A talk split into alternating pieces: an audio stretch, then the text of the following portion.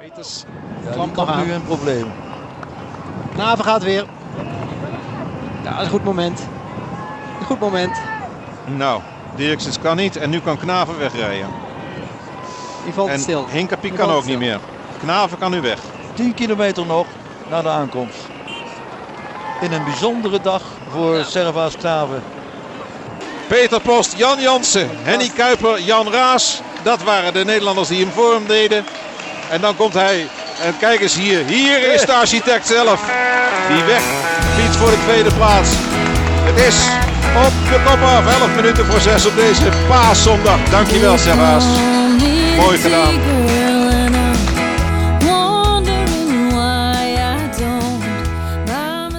Welkom bij de Courage Podcast. De podcast waarin oud-topsporter en Olympiër Vera Koedoder op zoek gaat naar verhalen achter de topprestatie. Maar wat is courage dan? Courage staat voor moed en doorzettingsvermogen. En dat is nou net de rode draad door het leven van de gasten van deze podcast. Welkom allemaal bij de negende etappe alweer van de Courage podcast. Ehm, waar we in onze vorige podcast met eh, Jan Jansen, een van Nederlands beste wielrenners ooit te gast hadden. Eh, Jan Jansen, onder andere winst in de Tour de France 68, de wereldtitel op de weg, winst in de Ronde van Spanje, maar ook derde, tweede en eerste plaatsen behaald in Parijs-Roubaix. Heb ik vandaag een andere oud-prof-renner in onze podcast te gast, die ook Parijs-Roubaix wist te winnen. Zijn oudste dochter zit naast hem en die, eh, ja, die zal mee gaan doen aan de allereerste Parijs-Roubaix voor vrouwen. Dus wat mij betreft een hele bijzondere podcast wederom. En ehm, heel erg vereerd ja, dat ze met mij in gesprek willen gaan. Maar goed, eh, naast die Parijs-Roubaix-overwinning ook onder andere twee keer eindwinst in Olympia's Tour op zijn naam. Eindwinst in de Ronde van Denemarken. Winst in de Scheldeprijs. Etappe-overwinningen in de Tour de France. De Ronde van Qatar. Tirreno Adriatico. Ronde van Zweden. En ook een Nederlandse titel op de weg behaald. Ook zes keer een medaille gewonnen op het NK tijdrijden. Nou ja, en eh, ook een keer derde wist te worden in Omloop het Nieuwsblad. Ook negen keer van start gegaan in de Tour de France. En maar liefst 16 keer van start gegaan in Parijs-Roubaix. Ongelooflijk aantal.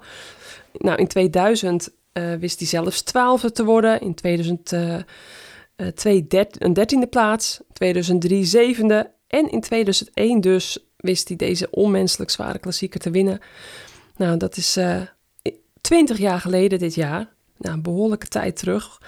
Ehm, en ehm, in zijn laatste profseizoen had hij eh, een 47ste plaats behaald uit mijn hoofd. En daarmee ook, eh, ja, stond hij eigenlijk gelijk met de Belg Raymond Impanis. Die eh, ja, ook net zoveel deelnames had, had ge- gehaald. En daarmee evenaarde hij dus dat record. Toen toch besloten om te stoppen en niet over dat record heen te gaan. Nou, om de intro nog even compleet te maken. deze hele succesvolle oud-profrenner is geboren op 6 maart 1971 in Lobit. Was prof tussen 1993 en 2010 voor ploegen als TVM. Wat later overging in Domo Farmfried en Quickstep. Eh, ook voor T-Mobile gereden, wat dan weer overging in Team Highroad. En de laatste twee seizoenen eh, voor Team Milram gereden. En na succesvol wegrennen reed hij ook nog op de baan. Eh, nou, en voorafgaand aan het NATO-criterium, de 8 van Kaam. hele mooie, als je het mij vraagt, de mooiste criterium van, van Nederland. Die ik zelf ook drie keer wist te winnen. Dus eh, bijzonder ook, eh, ja, werd hij benoemd tot lid in de Orde van Oranje Nassau. Wegens zijn verdiensten in de wielersport. Nou, en dan, ehm, eh, nadat hij direct gestopt was, eigenlijk vanaf 2011 meteen ploegleider geworden bij de Britse formatie Team Sky, nu dus Ineos. En in zijn privéleven getrouwd met voormalig wielrenster Natasja Knaven den Oude. Daarmee heeft hij vier prachtige dochters gekregen. En samen met zijn vrouw twee jaar geleden een eh, mooi eh, opleidingsteam opgericht voor belofte vrouwen en junioren vrouwen. Waar ook eh, een aantal van zijn dochters voor fietsen. Alle, alle vier, denk ik, of drie in ieder geval. Van harte welkom, Servaas Knaven. Dankjewel. Dus, ehm, dankjewel.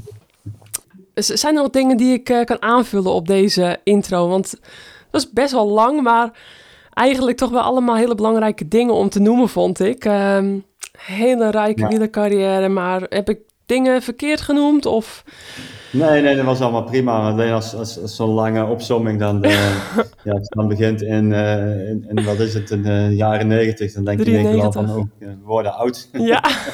ja, dat gaat snel dus, dan, hè? Ja. En, nee, uh, maar goed, naast jou zit dus jouw, jouw oudste dochter, uh, Brit. En uh, welkom Brit. Ik zal jou ook nog even introduceren. Want uh, nadat je bent begonnen met, uh, met turnen, ook uiteindelijk de wielenmicrobe die, die jou gevat heeft. En nou ja, van 29 juli 2000, dus uit het, even kijken, dus jij was, je bent nu 21, maar jij was dus nog echt piep piep jong dat jouw vader prijs Roubaix won. Ja. Samen met je vader en moeder en je drie zusjes woonachtig in het Belgische Meerle. Uh, naast piano spelen, mooi, dat, uh, dat doe ik ook. Dus uh, misschien kunnen we daar straks ook nog even over doorgaan. ik ben wel benieuwd wat je speelt bijvoorbeeld. lees je ook graag en ben je bezig met de studie rechten aan de Tilburg Universiteit. Het is jouw droom om Parijs-Roubaix te winnen, heb ik gelezen. En bij de vrouwen natuurlijk. En in 2017 werd je als derde op het NK tijdrijden. Ik zag ook dat je vijfde was in het eindklassement van de internationale tweedaagse omloop van Borselen. Ook grappig. Die heb ik dan ook weer gewonnen bij de vrouwen. Dus ja, zo zie ik allemaal overeenkomsten tussen ons. Ja. In 2018 uh, werd je elfde op het WK tijdrijden in Innsbruck. Een hele knappe prestatie. Uh, je werd eerst in het eindklassement van de driedaagse omloop van Borselen. Hè, dus uh, in 2017 al vijfde en het jaar daarna derde of vanwege eigenlijk de winst in de tijdrit uh, heb je die eindoverwinning behaald. En uh, werd je ook heel knap vijfde in het algemeen klassement van de Healthy Aging Tour driedaagse. Nou, toevallig won ik daar ook een etappe en ook een tweede in het eindklassement. Dus ook daar hebben wij weer overeenkomsten. En uh, sinds 2019 fiets je bij de elite vrouwen. 2020 werd je al 16 op het EK tijdrijden onder 23 jaar ook deelname aan het EK weg. En in 2021, dit jaar dus tiende op het BK tijdrijden geworden. Nu dus uh, ruim een week zitten we voor Parijs-Roubaix uh, van, de, van de mannen en van de vrouwen. Op 2 oktober zullen de vrouwen van start gaan met dus Brit Knaven. En een dag later gaan de mannen van start. En uh, dat is dus 20 jaar na Servaas. Wel bijzonder, Servaas, want jij was de vijfde Nederlander. We hadden Post, Jansen, Raas en Kuiper. Nou ja, en dan in 2014 hadden we nog Terpstra. Dus je, zit, ja. ja. je staat wel in een heel bijzonder rijtje als je het mij vraagt. Ja, hè, in 1964 en 1967 dan Post en Jansen. Toen een hele tijd niks. Toen in 82 en 83 Raas en Kuiper. En nou, toen in 2001 eindelijk Servus Knaven. En in 2014 Terpstra. Dus er zit ook hè, zit allemaal gaten tussen. Inmiddels zitten we ook alweer heel lang na de overwinning van Terpstra. Nou goed, we hebben natuurlijk eh, met Van der Poel hopelijk nog weer een, uh, een hele sterke kandidaat hè, wat Nederland betreft voor, voor de eredivisie. Maar, ja, Dylan um, van Balen natuurlijk. Hè? Dylan van Balen natuurlijk ook. Maar goed, uh, ook geblesseerd geweest. Hè? Dylan natuurlijk ja, ja, maar... vanuit jouw team. Ja, goed uitgerust hier, geblesseerde mannen. Ja, zeker, zeker. En dat moet je wel zijn voor een Parijs-Roubaix natuurlijk. Maar ja, goed. Um, waar zullen we beginnen? Hoe, hoe staat nu Parijs-Roubaix nog bij jou in je geheugen gegrift? Want het is twintig jaar geleden dit jaar. Eigenlijk natuurlijk twintig half jaar. Want hij, in het voorjaar is hij niet doorgegaan uh, vanwege natuurlijk de coronapandemie. Maar ja, hoe... Ja. Want het, het is natuurlijk um, zo'n grote wedstrijd. Uh, jij hebt dus, hè, wat ik net al in de introductie zei... 16 keer op rij deelgenomen en gefinest... Nou, dat is natuurlijk al. En dan dat je in een van die 16 keer hem ook nog gewonnen hebt. En nog een keer of vier ook heel kort geëindigd. Dus je bent eigenlijk gewoon Mister Parijs-Roubaix, denk ik. Uh, hoe je in de geschiedenisboeken ja, staat. Klein beetje. Klein, klein beetje. nee, maar Parijs-Roubaix, ja, dat, dat, dat vond ik vanaf de eerste keer dat ik hem reed, vond ik dat de mooiste wedstrijd. En, uh, ja, vaak zijn dingen die, die je goed kunt, zijn vaak wel leuker. En het ging mij heel goed af de eerste keer.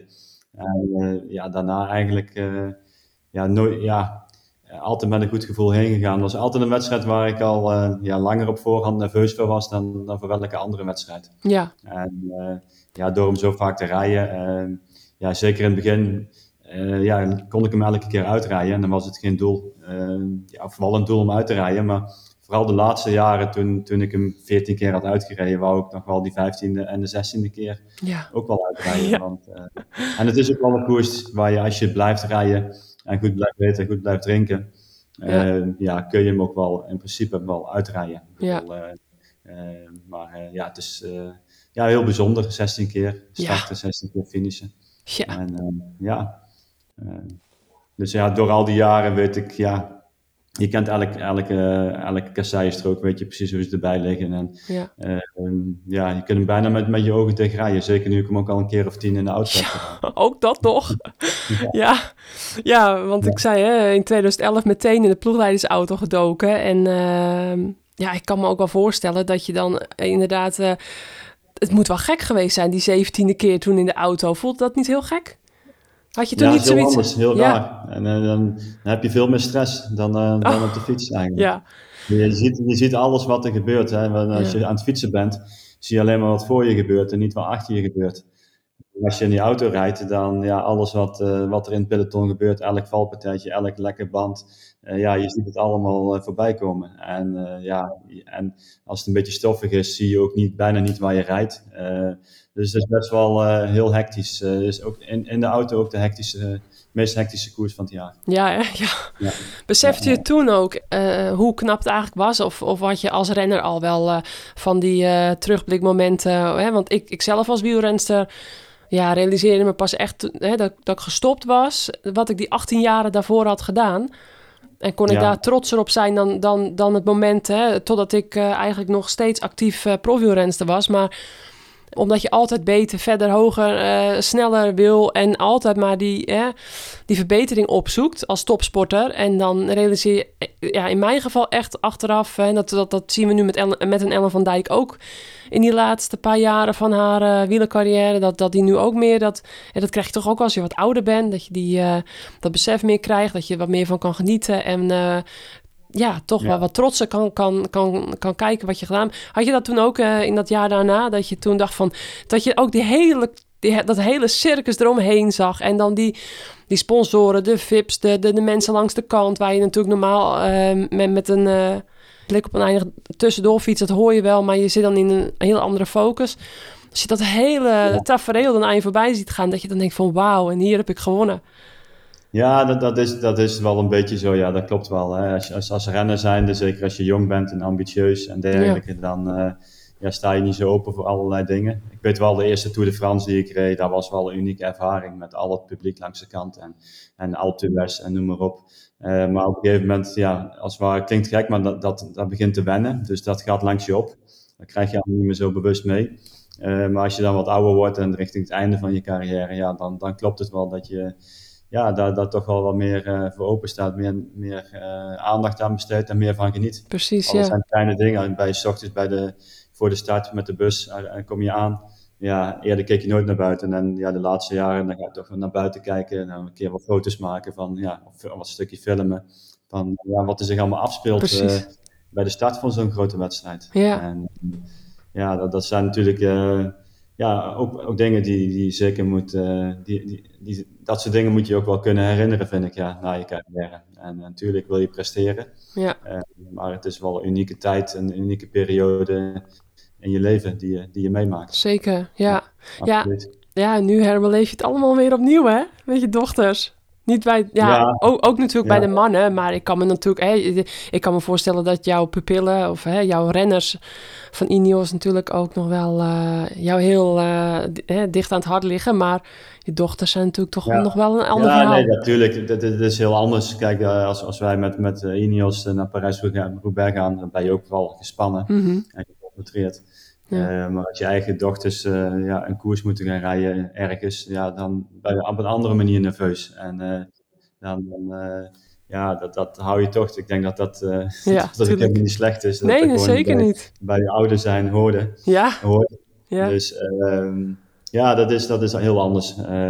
maar ook wel heel mooi, heel bijzonder. En zeker nu met Parijs-Roubaix voor vrouwen. voor dames de eerste keer ja, vind ik het ook wel heel mooi dat, uh, dat wij met Next Year Racing daar in de stad mogen staan. Zeker. Uh, en dat, uh, ja, dat Brit daar ook mag rijden. En ja, ik denk zeker. ik weet nog dat Brit toen ze 14 was, mini Parijs-Roubaix reed. Tussen ja. de jongens. Ja. En, of ze was nog 13, denk ik. En ja, dat ze dat gewoon fantastisch vond. We zijn een keer met WV Breda.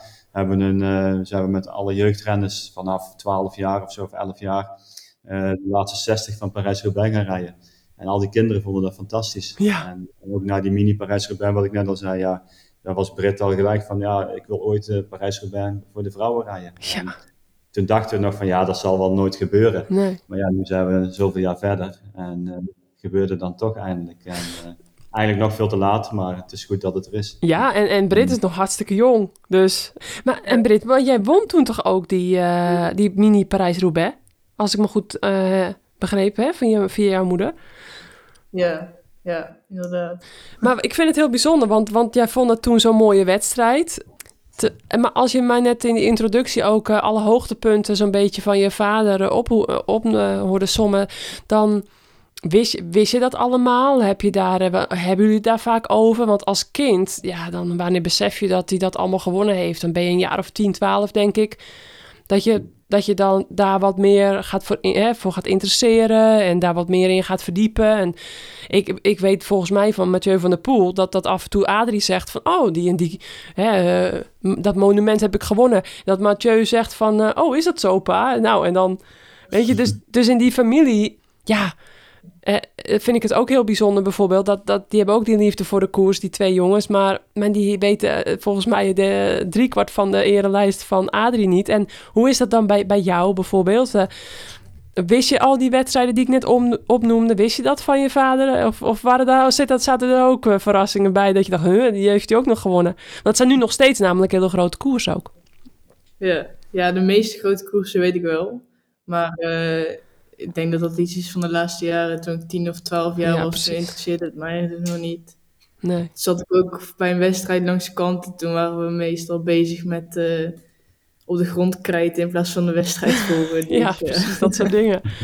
Ja, hoe, hoe is dat? eh, kijk, jullie begonnen alle vier, hè? Ja, jou en je zusjes, want ik zal ze even opnoemen natuurlijk. Onder jou komen dan nog Senne en Mirre en Vee. En jullie begonnen dan allemaal met turnen. Uiteindelijk dan eh, wilde ja, begon jij die, eh, die ja, de, de eh, de, de, ja, de hoe, of hoe, de turnzusjes begon je te doorbreken door te gaan fietsen.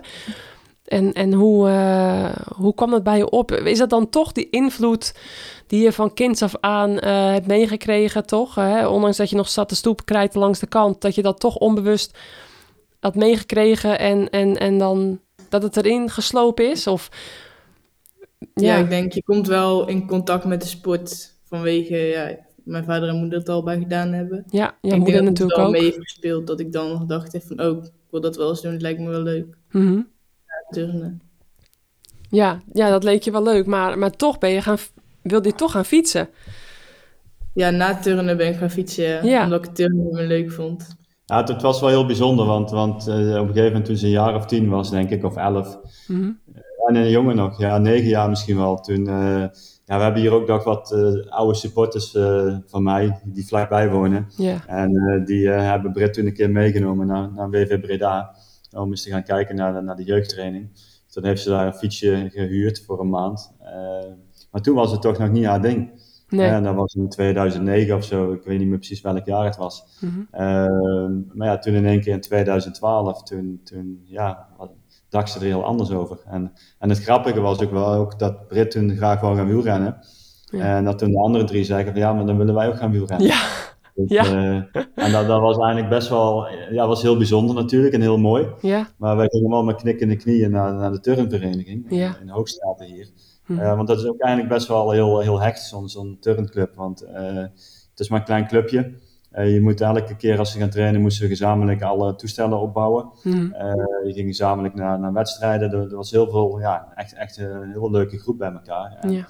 ja, dat deed ook wel weer pijn om, om daar naartoe te gaan en zeggen, ja, we komen de vier lidmaatschappen opzeggen en ja. ze gaan wielrennen. Tja. Dus, maar eh, ja, ook wat heel bijzonder was, de eerste training dat ze dan heen gingen, dat, dat was gewoon zingend in de auto eh, Ja. na, na de clubtraining. En dan was het alsof ze thuis kwamen, bij wijze van spreken. Ja, heel bijzonder was dat. En op die manier zijn ze nooit naar turnen gegaan. zeg maar. Oh, nee. eh, Nee, dus ik, voor ons was het wel, wisten we wel, oké, dit is zeker voor nu de goede keuze van ze. ja, Dus- zeker. Ja. Ja, ik, ik zelf ben dan ook begonnen met ehm gimmen. En toen werd ik uitgenodigd voor de turnselectie. En toen ben ik dus in die turnselectie gekomen. En ja, dat ging daar zo hard aan toe hier in, in, in Stedenbroek. En dat was toen zo enorm vervelend. En ik was een heel jong meisje. Pff, ik denk dat ik in groep 4, 5 zat of zo. En eh, ik werd toen ook een keer eh, heel kort op, zijn hele, op een, hier een hele groot regionaal eh, toernooi, werd ik vijfde of zo. Dus toen werd er eh, van alle kanten gezegd, ja, dat moet je gaan doen. Nou, en dan in die trainingen, dan werd er op mijn, in, in de spagaat, werd er op mijn benen gedrukt. En ik dacht, nou, dit klopt gewoon niet. En ja, ik ben eigenlijk, ik, ben nog net niet gillend weggegaan na drie maanden. En ehm, ik voelde het als heel jong meisje dat het niet goed was. En uiteindelijk eh oud vriendinnetjes die helaas nog iets beter waren dan ik. En die, ja, die wel echt ook in de top van Nederland kwamen. Die, eh, die, die hebben daar nu nog steeds trauma's aan overgehouden. Dus het is toen eh, ook voor mij toen een besluit geweest van oké. en toen ben ik gaan atletiek eh, gaan schaatsen, skileren en uiteindelijk gaan wielrennen. Maar hè, dat is toch, zijn toch hele andere sporten. Ik vond het sfeertje ook niet, niet, niet passen. En uiteindelijk, ja, dan zit je de, de rest van je leven in het wielrennen. Nou, dat is echt een hele andere sport als ik dat vergelijk met to- toen in die turnhal. En Ja. zo heb jij zo eh, eh, hopelijk wel wat meer ehm lol beleefd aan het turnen, Brit. Dus was het bij, of ging het er ook al toen al heel streng aan toe? Want bij mij ging het er heel streng aan toe. Maar ik, dan ben ik natuurlijk eh, wel wat jaartjes ouder dan jij. Maar goed, ehm, en we kennen helaas ook alle andere verhalen. En gelukkig is Herman Ram ingesprongen in het bestuur. Werd vandaag in het nieuws bekend. Ik weet niet of jullie het ook in het nieuws hebben gelezen. Maar ik ken Herman Ram dan op een hele positieve manier vanuit de NOC-NSF Atletencommissie. Dus ik hoop ook dat het in het Nederlandse turnen met onder andere hem nu eh, in het bestuur aan het roeren daar wat gaat veranderen. Hè? Want we weten met z'n allen dat eh, de, de turncultuur niet over het algemeen hè, eh, op de meeste plekken niet was zoals het hoort. Maar had jij wel, ehm, wat dat betreft, ehm, kijk je er wel met een leuk gevoel op terug? Op, op jullie eh turntijd of... of... Ja, ja, over het algemeen wel. Het was, ja, het was wel streng. Ja. Maar ik kon ook gewoon wel eh, lollen met elkaar, omdat het gewoon een hele leuke groep bij elkaar was. Mhm. En, maar ik ben ook eens een keer uit elkaar gezet met een vriendin van mij, omdat we te veel aan het lachen waren. Ja, daar was geen plek voor Ja. op zo'n jonge leeftijd. Nee, inderdaad. En dat Ja. is ook het deel waarop ik zeg maar plezier verloren Precies. heb. En waardoor ik dacht van ja, ik vind het zo niet meer leuk en toen gestopt ben. Jammer is dat, hè? Ja, dat wel. Maar ik denk Ja. dat het ook een beetje bij de sport hoort. Ja. Die, die, ja, de echte goede turnsters, ja, dan, ja, ik denk dat het dan gewoon ook soms nodig is dat je een beetje streng bent. Ja, tuurlijk. Maar dat is bij het wielrennen natuurlijk ook, hè? Want dan, Ja, dan, Ik denk eh, dat dat met elke sport wel is. En dat is met, met alles wel. En, eh, en ik denk ook wel een dingetje was, zeker eh, verschil met turnen en wielrennen is. In wielrennen heb je bijna elke week in de wedstrijd rijden. En turnen ben je gewoon een half jaar aan het trainen voor een eh, regionaal kampioenschap, was het toen.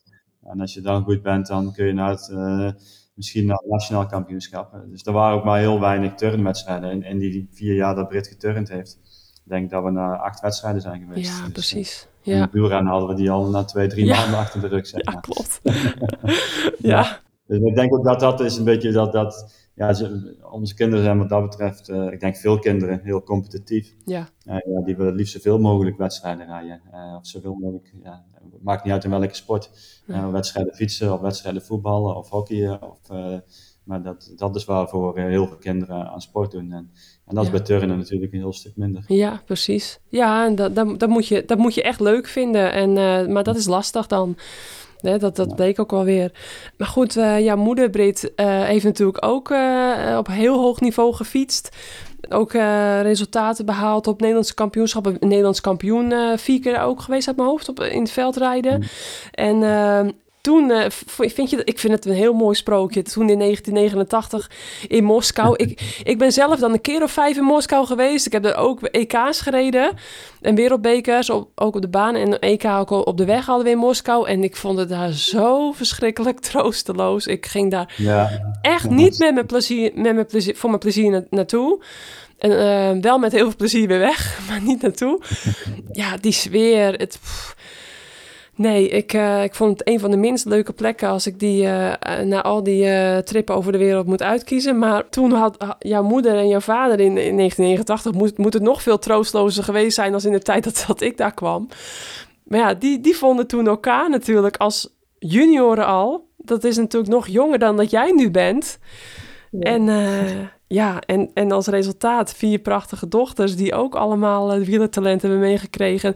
Vind je dat niet een, een mooi verhaal? En eh, heb, je, heb je er ook wel eens naar gevraagd hoe dat allemaal in zijn werk ging toen? Ja, ik heb het wel eens een verhaal gehoord, ook van in het vliegtuig. Ja, op de terugweg of in de, op de heenweg al? Sorry? Op de heenweg of op de terugweg? In het vliegtuig? Dat de terugweg. Terugweg. Ja, dat was op de terugweg. Ja, ja.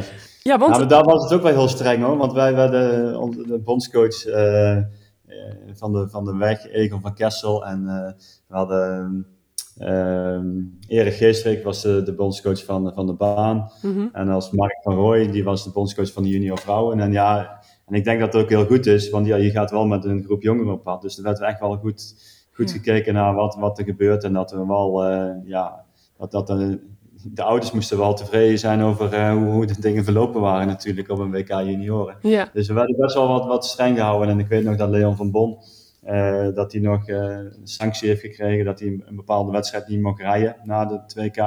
oh, omdat hij bij een van de wielrensters op de kamer was geweest. Dus, eh, oei, ja, dat was echt not done. Ja. En ik ben er gelukkig zo net tussendoor geglipt. En ik, mocht, ik heb geen sancties gehad. En Nee. ja, dit tot gevolg, zeg maar. Ja, ja, ja, ja. Ja, want Natasja won toen zilver, als ik het goed herinner, op de achtervolging. Ja, En ja. wonnen op, de- op dezelfde dag een medaille. En, eh, en Tas die won zilver op de achtervolging en ik Ja. won brons op de achtervolging. ja, Dus, won brons op de achtervolging. Alle, ja. Dus allebei op die achtervolging. ja, toevallig, eh, we hebben daar nog van die borden voor gekregen van de KMU. Ja, klopt, en, ja. eh, ja, die twee hangen bij ons in, eh, in het kantoor, in het bureau, ja, in het kantoor. Ja, prachtig. Het is wel heel bijzonder, ja. Heel bijzonder Ja. verhaal, hè? En ook al zo jong samen, dat, dat, dat maak je bijna nooit meer mee. Dat is al, eh, dat is tegenwoordig, krijg je daar bijna een lintje voor. Trouwens, ja, dat had ik gezegd. ja, jij had ook een lintje gekregen voor de Acht van Kaam. Ehm, ja. dat, eh, ik denk, ja, dat heb ik wel opgenoemd. Maar ja, wat ik me ook afvroeg... ehm, kijk, Servaas, eh, jij hebt natuurlijk baanwielrennen en wegwielrennen gedaan. Eh Natasja, baan, wegwielrennen en veldrijden. Allebei dus die medaille bij de junioren behaald op de achtervolging. En, ehm, maar, oh, wacht even. Wat gebeurde toen eigenlijk in het vliegtuig, Brit? Daar was ze niet bij. Eh, en toen hebben we, Ja. ja, toen hebben we gewoon eerste kus aan elkaar gegeven. Hoog, oh, dus echt, jullie Ja. waren echt op de ro- Ja. roze wolk. Dus, eh, Mooi, nou, dat Ja. maakt het verhaal helemaal af. Nee, maar dat, dat was wel een heel mooi WK uiteindelijk. Ik bedoel, Ja, het was in. Moskou. Het was nog een beetje zo op het einde van, van, van het, hoe noem je dat, de, de, muur en, de- en dergelijke. Het Mhm. echte Oostblok. Ja, Eh, dus ja, er was gewoon helemaal niks. En, Nee. en eh, de wegen waren slecht. En ja. ja, het enige wat we gezien hebben is het, eh, eigenlijk het, het hotel en, en de wielenbaan. Ik reed dan ook nog op de, op de weg, de ploegentijdrit. Eh pakte ook een, een, een zilveren medaille. Dus dan zag je nog iets meer van, van Moskou. Ja. Maar voor de rest ja, was het echt, er was niks te doen daar. En het Nee. eten was echt slecht. Ik geloof dat we allemaal een, een kilo of drie zijn afgevallen. Als je de foto ziet van toen we vertrokken, de groepsfoto op Schiphol. En de groepsfoto toen we terugkwamen, ja, dan waren we, zagen we er een stuk slechter uit. toen In een week tijd of anderhalf week tijd zo'n beetje. Ja. Ja, ja, erg. Ja, dat herinner ik me ook. Ja, bieten, aardappelen en dat was het zo'n beetje. Ehm, Maar maar we mochten toen zelfs, de- de- normaal mocht dat niet, we mochten toen zelfs Coca-Cola drinken. Oh ja, jeetje, dat Ja, wil wat normaal zeggen. mochten we dat niet hebben, Nee. maar toen omdat er eigenlijk zo weinig eten was, en, Ja. eh, was geoorloofd om, eh, om een cola te drinken eh, op de dag een keer. Ja. Nou, dat heeft jullie nog gered waarschijnlijk eh, voor die eh, medailles. Eh, anders had het misschien goud geweest. Maar, eh, ehm, maar ja, wat ik me dus net afvroeg. ehm, eh, jullie dochters, eh Seva, zijn dus niet op de baan eh, gaan rijden, hè?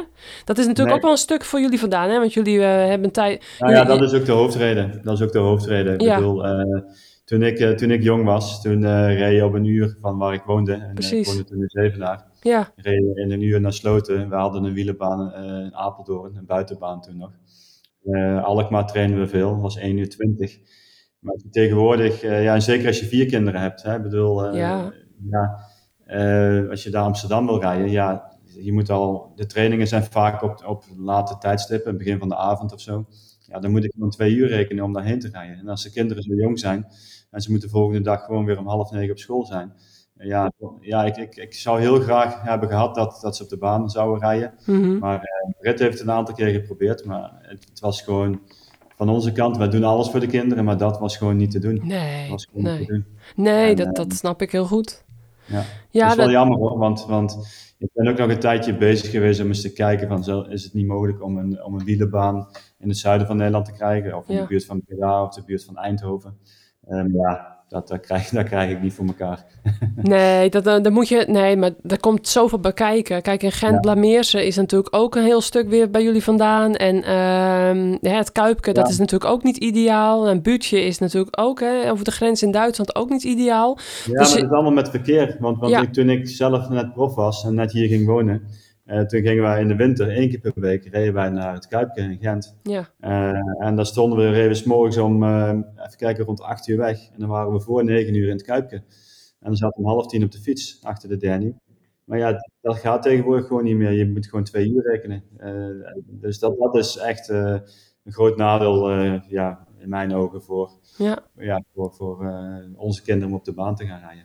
Klopt. Ja, en dat vind ik dus heel jammer om te horen. Want ik heb het in een van mijn vorige podcasts al um, ook uitgebreid besproken met Vulko van Gulik, de bondscoach, en uh, Nick Stuppler, oud-baanwielrenner en Eurosport-commentator. Ja, toen zei ik ook gekscherend van we hebben nu zo'n goede, goede lichting. En we hebben zoveel talent in Nederland. Op de weg, in het veldrijden, op de, maar ook op de baan. En willen we dus die generaties levend houden en zo succesvol houden. Dan zijn er mijn inziens misschien toch een paar banen extra nodig. We hebben zoveel eh, inwoners ook. Zoveel eh, talent, talentvolle jeugd. Wat bijvoorbeeld eh, in, in jullie omgeving woont. Maar ook in het zuiden van Nederland. Of in de buurt van Rotterdam of Den Haag, et cetera. Ja, en dan, dan is Alkmaar, Apeldoorn en, uh, en Amsterdam natuurlijk gewoon echt... Uh, ja, dat is bijna niet te doen met, hè, met, met de files. Dus nou, misschien kunnen we nu toch nog gewoon een oproep doen, mensen. Um, wonen jullie allemaal in de omgeving van Brabant of Zeeland of uh, Den Haag ja. of, of bij Breda? Dan, ehm, nou, en jullie hebben er gewoon nog wat geld over dan uh, kan er een hoop wielentalent ontplooien, denk ik, uh, als daar toch nog een baan komt. Ja, ik had toen ook geopperd van hè, toch wat meer, een paar, een paar banen extra in Nederland op diverse strategische plekken bouwen. Hè, omnisportlocaties, waar je ook het atletiek ja. weer kan doen. Hè, want atletiek nu ook heel succesvol. Ja, dat ja. willen we ook behouden. Dus ook de atleten hebben daar goede accommodaties voor nodig. Nou ja, laten we hopen. Kijk, Parijs-Roubaix heeft ook een tijdje geduurd, maar... Misschien toch ja. uh, nog ooit ook een baan bij jullie in de buurt. Ik, uh, ik, ik, zou het heel, uh, heel gaaf vinden. Het is nou wel het moment, hè? Ik bedoel, na al die medailles in, in Tokio. Daarom. Ja, daarom en, zei ik het laatst ja, ook al. er zijn natuurlijk ook een aantal die uit Brabant komen. Dus, Zeker. Dus, dus, Harry. Die heeft hier vier kilometer vandaan gewoond. Precies, dus, ja. ik bedoel, uiteindelijk zijn die ook op de baan gekomen. Hè? En die zijn heel veel van die, van die renners zijn uiteindelijk naar Papendal gegaan. En, en daar intern gegaan. Precies. En, en dat is dan een stuk makkelijker. Uh, maar dat waren dan ook wel de toptalenten die dan nu de medailles halen. Uh, maar het zou mooi zijn als je een grotere groep uh, jongeren op de, op de baan kunt krijgen. Ja. En dus het is niet alleen maar voor, om, om, om de beste van de wereld te worden. Ik denk dat het ook gewoon heel goed is voor je algemene ontwikkeling als, als wielrenner. Ja, als wielrenner. En ja, of dat nou de baan is of veldrijden of mountainbike. Ik denk voor de jonge leeftijd maakt dat dan niet zo heel veel uit. Nee. En niet iedereen is een veldrijden. Dus, nee, uh, zeker niet. Kijk, en het is toch. Uh, uh, ik merk nu steeds meer dat bij, bij veel jeugd. Um, of belofte junioren. die willen toch in de winter die competitie af en toe op blijven zoeken. En, um, ja, en die motivatie behouden. En dat doe je dan toch door ofwel op de baan of het veld. Hè, af en toe je koersjes mee te pakken. En dat, wat je zegt, dat hoeft niet op wereldniveau. Maar je weet dan ook weer niet wat daar een paar jaar later misschien toch uit voortvloeit. Dat multidisciplinair opleiden is wat mij betreft gewoon de sleutel tot heel groot succes uh, uh, op langere termijn. Ja, ja. En, we, en, we, zien het ook bij jou in de ploeg, hè? al die toppers die op de baan natuurlijk hè, succesvol ja. waren of zijn en, en, en ook op de weg. En je, je hebt elkaar toch nodig. De, de, de baan- en wegcombinatie of het veldrijden en de, en de weg, in mijn, mijn inziens, of het mountainbiken. Dus, uh, maar goed, hè, misschien luisteren er een paar uh, wielerfanaten. Hè? Je weet nooit hoe het balletje kan ja. rollen of het wieltje. Ja, precies. Ja. ja. ja. Ja, dus nou ja, goed. Uh, uh, jouw moeder dus hartstikke succesvol geweest. Je vader, Brit. En toen, op een gegeven moment, uh, jullie waren met z'n vier aan het fietsen. Toen besloten ze van, nou, we gaan een, uh, een wielenploeg maken. Dat begon natuurlijk met Pavé 79 uit mijn hoofd. 76. 76? Pavé 76, ja. Breda. Precies. 075. Daar begon het uiteindelijk een aantal jaren geleden mee. En dat is toen uh, steeds een stapje beter, professioneler. Toen kwamen de connecties van jouw vader erbij, met de Pinarello fietsen, et cetera. Ja, en dat is toch uitgegroeid tot een fantastische mooie opleidingsploeg. Uh, we hebben de afgelopen tijd natuurlijk ook uh, de berichten gevolgd. Uh, met gisteren vers van de pers Jolien de Horen. Een Belgische wereldtopper natuurlijk die bij jullie ploeg ploegleidster gaat worden. Nou ja, ehm, gewoon iedere, ieder jaar wordt het wat, wat professioneler. En ja, dat is toch wel echt een luxe, hè? Want ja, als ik dat dan bij jullie allemaal zie... en dan ben ik een heel klein beetje jaloers op jullie materiaal... en op jullie ja, prachtige tenues. En als ik dan kijk hoe wij er destijds bijfietsten, dat is toch echt wel een, uh, um, een heel groot verschil. Maar um, dat brengt het ook niet een klein beetje druk af en toe met zich mee? Of kun je dat ook een beetje aan de kant schuiven? Hè? Want je, studeert er ook nog naast. En ja, je wil natuurlijk ook je ouders niet teleurstellen, omdat die zoveel voor jullie doen. En sowieso de dochter van. Hoe, hoe, hoe beleef je dat? Je, je, je, moet ja, mentaal ook wel tegelijkertijd een beetje sterk in de schoenen staan. Want uiteindelijk hè, blijft het, moet je hard trappen. En uh, dat is het allerbelangrijkste. En, en ja, ik kan me voorstellen dat, uh, dat, ja, als dat als zo, alles zo goed geregeld is, dat je dan ook uh, ja, een bepaalde, misschien een bepaalde druk ervaart. Ja, ik heb dat de afgelopen jaren is dat wel steeds minder geworden. In het begin had ik dat wel. Ja. Vooral omdat ik gewoon ja, voelde dat ik wel goed moest rijden. Omdat ik wel ja, bepaalde achternaam heb. Mhm. En ik heb dat nu heel soms dat ik wel ervaar dat ik wel uitslagen moet rijden van mezelf. Omdat ik ja, het gevoel moet hebben dat ik het wel waard ben om in deze ploeg te zitten. En niet alleen omdat ik dan ja, de dochter van de baas ben, tussen aanhalingstekens. Mm maar ja, ik kan het wel goed van me afzetten. Ja, oh, dat is goed, ja. Ja, dat is wel belangrijk natuurlijk, hè. Want uh, ja, dat, dat is natuurlijk ook weer niet de bedoeling. Dat je dan daar, uh, ja, dat je dat negatief ervaart natuurlijk. Nou, jouw zusje is natuurlijk ook allemaal fietsen. Um, en nou, die rijden ook, uh, nou, ik, even kijken hoor. De V, de jongste, die is nog nieuweling of voor de junior. Want door corona is het natuurlijk al, heeft het allemaal stilgelegen. Maar in ieder geval rijdt uh, Senne, die rijdt ook bij jullie in de ploeg, hè? Ja. En Mera, die is, uh, wel, hoeveel jaar zit er tussen precies? Gemiddeld ongeveer twee jaar. Gemiddeld twee jaar. Ja, precies. Jeetje, Mina. Ja, een keer twee en een keer tweeënhalf. Ja, nu, nu zijn ze 21, 19, 17. En dan V, de jongste, die is bijna 15. Ja, precies. Ja, ja, ja. Dus um, ja, en ja. Servaas, hoe, uh, hoe, hoe gaat het met jullie ploeg? Want uh, ja, uh, jullie hebben dat opgericht natuurlijk een beetje voor jullie dochters, maar ook misschien omdat jullie zagen van goh, uh, ja, die talentontwikkeling in Nederland, daar kunnen we nog wat aan doen. Hè? Um, ja, ja dat, dat, is, dat is de hoofdreden eigenlijk. Ja. Ik bedoel, wij, wij, wij, wij zijn zelf jeugdrenners geweest uh, en dan bij jaar uh, ja, zit je bij, in profielrennen en dan op een gegeven moment kom je weer terug in het jeugdwielrennen. En, ja. en dan zie je eigenlijk dat er heel weinig veranderd is. Hè? Het is heel leuk om weer dezelfde gezichten te zien. je ziet heel veel juryleden van, ja. van jouw jeugdtijd zie je weer terug. Uh, en je ziet, ziet de ouders terug van, hè, dat zijn dan vaak oud wielrenners of wielrensters die, die met hun kinderen er zijn. Dus het is altijd wel heel erg leuk. Ja. Uh, maar je ziet ook wel dat er, uh, ja, zeker bij dameswielrennen, dat, dat het gat tussen de junioren en ja, de elite is gewoon mega groot. Ja. Dat, was, dat is tien keer zo groot als dat het vroeger was. Daar wijt ik vooral aan omdat de, de meeste meiden, de toppers van nu, ja, die, die, die zijn elk jaar beter geworden, omdat die zijn meegegroeid in, in, in de sport. De sport is gegroeid. Zij zijn een, uh, een goed loon gaan verdienen, waardoor ze zijn blijven wielrennen. Terwijl heel veel rensters uh, van Natasja de leeftijd bijvoorbeeld, ja, die zijn op een gegeven moment allemaal gestopt. Ja. Op een paar na. Omdat er geen, ja, eigenlijk geen boterham te verdienen was. En Nee. iedereen koos voor, uh, voor een andere carrière. En dat, dat is dus heel erg veranderd, waardoor de overstap vanuit de junioren naar de, naar de elite ja, heel groot is. Dat is Ja. echt, als je kijkt naar een tijdrit, dat is 4, 5 kilometer per uur verschil. Ja, Als het meer is. Ik bedoel, dat gat ga je niet in één winter dichten. nee. Eh, en, en dat is op een gegeven moment de reden geweest voor ons om te, om te kijken van, ja, kunnen wij niet, zouden we niet een, een opleidingsploeg kunnen, eh, op een of andere manier kunnen opstarten. Ja, We zijn toen begonnen met junioren, één jaar, eh, om een beetje ja, de wereld een beetje te leren kennen ja, en wat ervaring op te doen. En eigenlijk ja, vanaf die lichting waar we mee begonnen zijn, zijn we eh, meegegroeid. Wel altijd de juniorenploeg erbij gehouden. Eh, ja, tot waar we nu staan eigenlijk. En, ja. ja, en je ziet, eh, je ziet over het algemeen heel veel verloop. Eh, heel veel rensters stoppen toch op een gegeven moment. Mhm. Maar wat wij heel graag willen is ook dat, dat rensters, dat er meer rensters langere tijd blijven koersen. Uh, dat ze de kans krijgen en dat ze uiteindelijk toch een mooie carrière, in ieder geval de kans krijgen om, om zich te ontwikkelen en een mooie carrière te, te maken. Ja, precies. En, ja, dat is, is heel veel werk en we hebben heel veel ja, vrijwilligers om ons heen.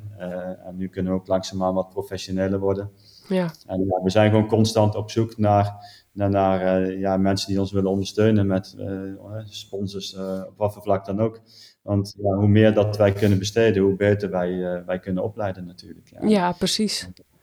En, en, nu is het wel mooi, nu zijn we eindelijk een beetje aangebroken op een punt dat, dat we zijn begonnen met het eerste jaar, 2019, hadden we eigenlijk alleen maar eerstejaars. Mm -hmm. Ja, dan was het heel moeilijk om wedstrijden uit te rijden. Ja. Nu zijn we twee jaar verder ja, nu beginnen ze gewoon, uh, ja, sommigen beginnen wedstrijden te winnen, andere top 10 in, in zware koersen. Ja. Uh, een aantal die naar het WK gaan.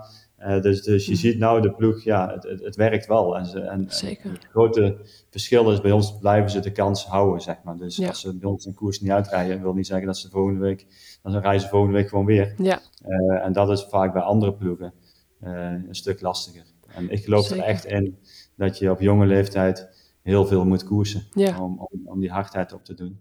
En al is het niet altijd uitrijden, maar eh, ja, van alleen maar trainen denk ik dat het heel lastig is om die aansluiting te maken. ja, dat denk ik ook. eh, vooral ook het, eh, denk ik ook af en toe wat kleinere wedstrijdjes rijden. Hè? Dus ook af en toe een nationale klassieker of een, of, of een kermiskoers. Of eh, dat dan ook die jonge rensters zo nu en dan eh, zelf in die overwinningspositie komen en dat ook voelen. En, eh, nou ja, en dat, dat afwisselen met grote wedstrijden. En, en af en toe toch weer Ja. met je neus op de feiten gedrukt worden waar je uiteindelijk naartoe moet.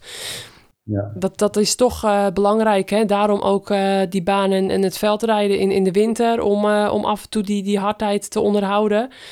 Maar goed, Maar, maar ook maar, ja, met die afwisseling van, van grote en kleine wedstrijden, ja, dat is heel belangrijk. ja, alleen de afgelopen jaren is dat bijna niet mogelijk geweest, ook omdat kleine wedstrijden die zijn eigenlijk niet doorgegaan Nee, klopt. eh, door corona. ja, Eh, en kleine UCI-wedstrijden die bestaan niet meer. Ik bedoel, als je Nee. een categorie 2 wedstrijd hebt, ik noem maar de Drentse 8, ja, eh, ja, daar staan ook gewoon vijf wildtoeploegen aan de start. Dat en klopt. die bepalen toch het, het, het tempo. En als die Ja. ervoor willen gaan, als er een beetje wind staat, ja, je hebt als meisje van 18, 19 jaar heel weinig kans.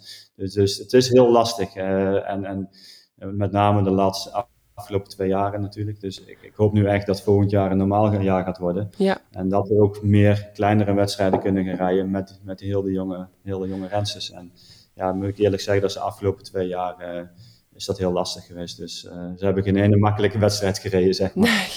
Nee. nee, ik praatte net natuurlijk ook een beetje, eh, ja, eh, zonder coronatijd in oogschouw nemen. Maar ja, laten we inderdaad echt hopen dat ook die nationale klassiekers en die 1.2's en dan, hè, laat dan een 1.2 ook maar plaatsvinden een dag of dezelfde dag van een grote koers. Dat dan hè, niet al die Pro Tour ploegen ook daar weer eh, hun punten en, en hun uitslagen willen, willen halen.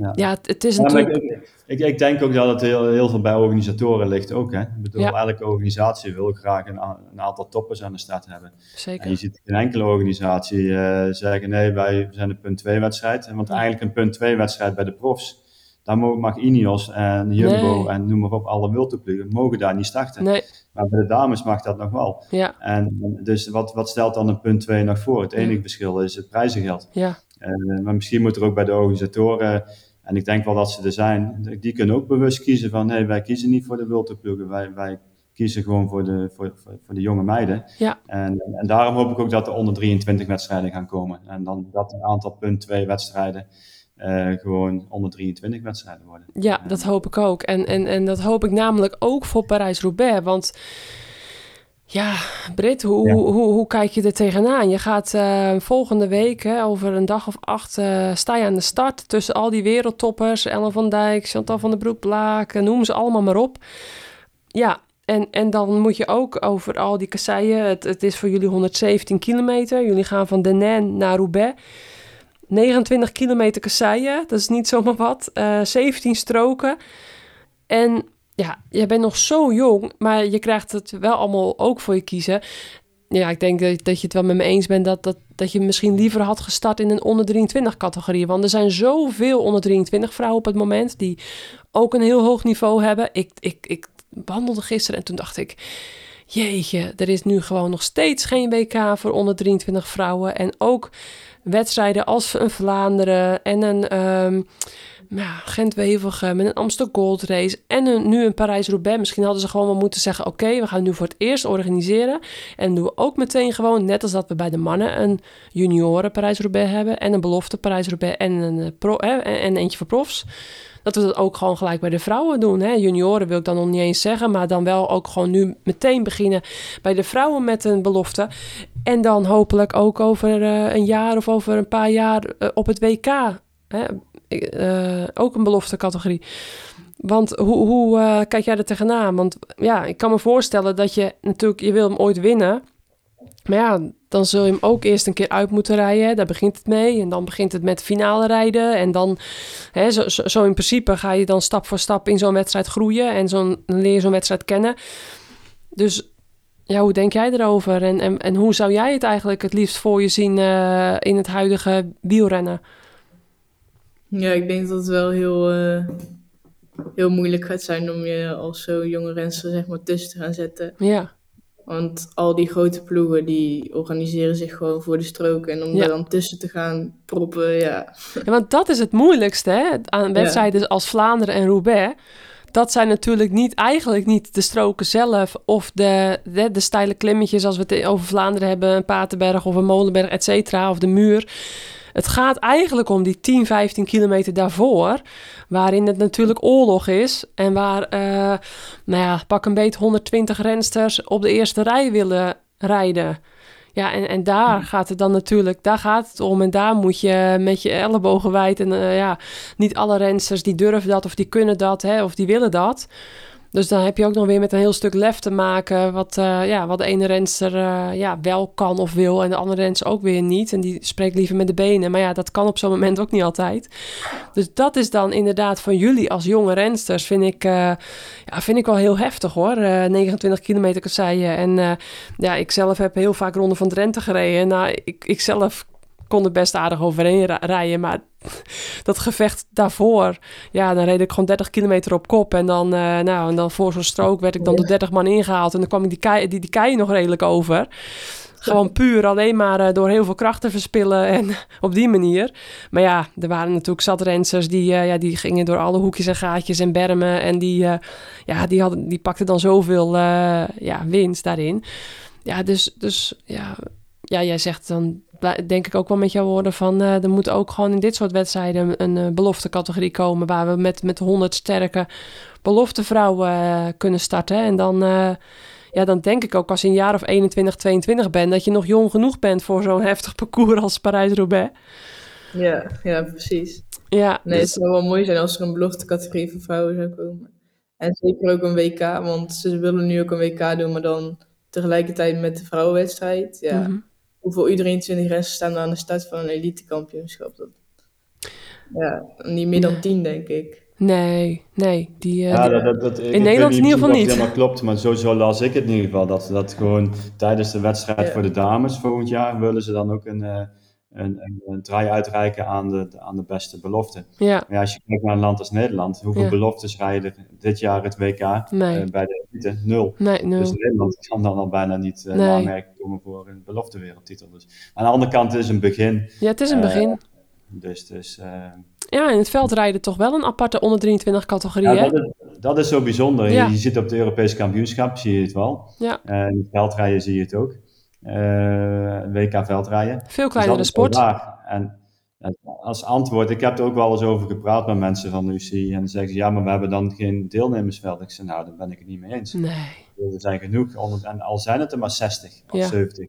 Dat maakt toch niet uit. dat moet groeien. Eh, ja, en, en eh, natuurlijk is het, eh, ja, en we zaten toevallig net, en uh, hadden we het Britt en ik er ook over, van ja, het is, is- eigenlijk zouden we dan de rensters van de, van de World Tour niet eh, mogen rijden bij de onder 23. Ik zei, Britt dan, ik zei, ja, maar, Nee, wel Dus- bij de vrouwen, bij de maar mannen. eh, bij de mannen zou dat niet mogen. Maar dat is ook Mhm. een eeuwige discussie. Ik bedoel, ja, Ja. uiteindelijk eh, kiezen die jongens er zelf voor. En een uh, Evenepoel, die zie je niet meer starten bij Nee. de onder 23.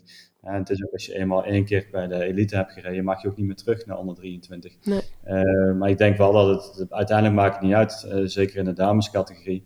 Als die onder 23 rensters bij de World Tour rijden. En uh, heet Lorena Wiebes bij wijze van spreken. Ja, die is misschien een van de beste van de wereld. Maar ja, mhm. dat is wel jouw leeftijdsgenoot. Dus ja, dat, dat, dat, dat is gewoon normaal. Ja. Ehm, dus ja, het zou een goede zaak zijn als het komt. En, en ook die kalender, denk ik, met, met Nations Cup wedstrijden lang. Of zo, net als bij de jongens. voor, voor belofte. Uh, denk ik zeker dat dat, ja, natuurlijk zal even duren voordat je daar, dat het de traditie is en dat alle landen komen en, en dergelijke. Ja. Maar ik denk zeker wel dat we daar, daar moeten we heen. Alleen bij de mannen is het ook niet van de ene dag op de andere dag gekomen. Ik bedoel, Precies. de belofte categorie bij de mannen, die bestaat ook nog in, die bestond in mijn eh, toen ik belofte was, bestond dat niet. Nee. Dus dat moet ook moeten groeien natuurlijk. Ja, ja zoiets moet altijd groeien. Dus um, ja, ja, ik denk dat het uh, uiteindelijk, hè, ze zeggen, ja, het mannenwielrennen is veel breder dan het vrouwenwielrennen. Ja, natuurlijk. Als je geen beloftecategorie hebt en je hebt zoveel vrouwen die op een gegeven moment eh, bij de elite net niet het talent hebben of niet mee kunnen komen, als die dan gaan afhaken ja, dan wordt het nooit een, brede, hè, een hele brede sport zoals bij de mannen. Dus als je ja. dat allemaal gelijk gaat trekken, dan denk ik uh, dat je nou, binnen een aantal jaren, dan ga je gigant nog veel meer groei zien. Ook in het aantal vrouwen wat niet gaat afhaken. Ja, en, uh, ja, daar ben ik helemaal mee eens. En, en, en, en er gebeurt heel veel in de top van het wielrennen. Hè. De UC is daar heel erg mee bezig. En wat ook helemaal niet verkeerd is, uh, met alle wildtoeploegen die ze dan willen, willen hebben. Met minimum salarissen. En dat is allemaal heel goed. Uh, maar vergeet niet de basis. Dat is denk ik echt, uh, ja, dat, dat is echt mijn mening. Die basis is heel belangrijk. Zeker. Anders gaat dat nu vijf jaar goed en dan hebben we straks niemand meer. Dan Precies. Is, dus, uh, ja, maar goed, um, je zal het toch met de, met de kanonnen moeten doen, Brit, uh, volgende week. Uh, hoe, uh, hoe ga je erin? wat, wat zijn je doelstellingen? En, en heeft je vader al tips gegeven? Hebben jullie het parcours al verkend? En, want kijk, um, dat, dat parcours van de mannen, dat, dat, dat wijzigt soms een heel klein beetje. Maar over het algemeen blijft het natuurlijk al die jaren grotendeels hetzelfde. jullie rijden een wat ander parcours. Maar goed, het, het blijven echte kasseien waar jullie overheen moeten ja, wat, wat zijn de tips die, uh, die je vader jou uh, meegeeft? Ja, we gaan morgen met de ploeg verkennen. Ja. En uh, dan gaan we een beetje kijken voor de bandenspanning en gewoon het parcours zelf. Heel belangrijk, ja. En, ja, er worden denk ik ook wel tips gegeven. Ja, achter ja, op het zadel. ook mee. Ik ga morgen ook mee, dus... ik had er even overwogen om op de fiets te gaan, maar dan heb ik niet genoeg chauffeurs voor de auto's. Dus, oh ja. Dus ik moet zelf met de auto erachteraan rijden. Ja. Um, nou ja, kijk, ze rijden wel hetzelfde parcours als de mannen trouwens. Want, eh, Helemaal vanaf, hetzelfde parcours? Uh, de eerste kasseien die ze ja, ze rijden de stroken voordien, rijden ze niet. Maar vanaf het moment dat ze de eerste kasseien rijden, ja, precies. De mannen. Dat is wel dus echt, dus, dus echt het, het, het uh, want ze rijden 117 kilometer. Kijk, de mannen rijden bijna 260 kilometer met 55 kilometer kassei. Dus dat is echt wel ja. uh, pak meer natuurlijk, 30 stroken. Nou ja, de vrouwen ja. 17 strook met 29 kilometer. Ik zei je, uh, nou, de helft minder kilometers. Maar uh, die laatste 117 kilometer, daarvan is dus het, het laatste grootste deel.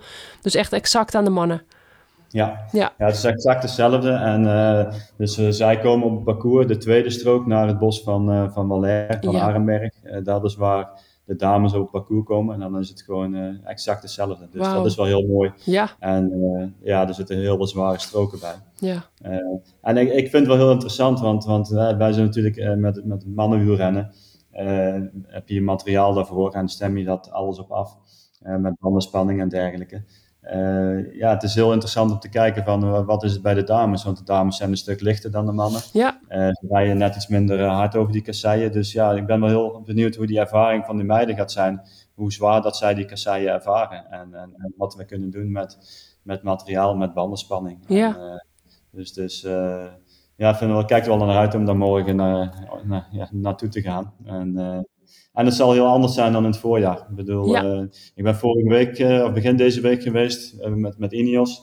En daar hebben we Arenberg gedaan. Mm. Ja, dat, dat, is gewoon helemaal groen. Dat, dat, ja. daar moeten ze nog met de grasmaaier overheen, bij wijze van spreken. Zo, dus het ligt er allemaal totaal anders bij als begin april. Dus ook dat gaat, gaat zeker nog wel een rol hebben, denk ik. Ja. De wind zal misschien minder een rol spelen, omdat overal mais staat en dergelijke. Ja. Dus ja, het is een heel andere... Heel andere editie eigenlijk, hè? denk ik. Ja. Ja, ja en, en uh, gaan jullie ook nog rekening houden met bijvoorbeeld uh, voor de vrouwen dan? Want ja, bij de mannen rij je ook nog wel wat vaker nog kasseienwedstrijden. En ja, natuurlijk toch qua lichaam, misschien qua werkhanden wat, uh, wat, wat geharder. Maar nog misschien kijken naar handschoentjes, dubbele handschoentjes. Daarmee uh, uitproberen, testen met een verkenning. Of met, ook met het semen. Want er komt nogal wat uh, gedokker op de zitbotjes. En ja, dat zijn de vrouwen natuurlijk totaal niet gewend.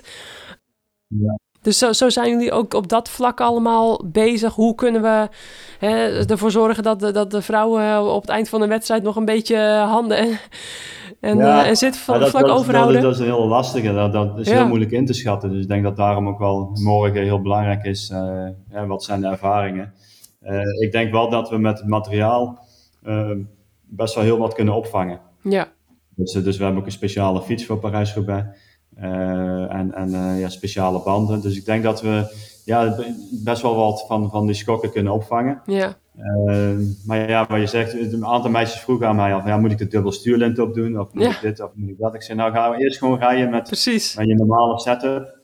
En, en dan kun je altijd aanpassen. Want dubbel stuurlint klinkt heel fijn. Ja. Maar je krijgt dan op een andere manier zere handen, omdat de stuur veel dikker is. Precies. En dan krijg je kramp in je vingers. Of, dus het, ik heb nooit iets aan mijn fiets veranderd. En, en, en uh, ja, eigenlijk weinig problemen gehad. Dus laat, laat het eerst gewoon op de normale manier proberen. Ja, ja dan kunnen we altijd uh, gaandeweg nog aanpassingen maken. Ja, precies. Dus dat wordt morgen een belangrijke dag natuurlijk.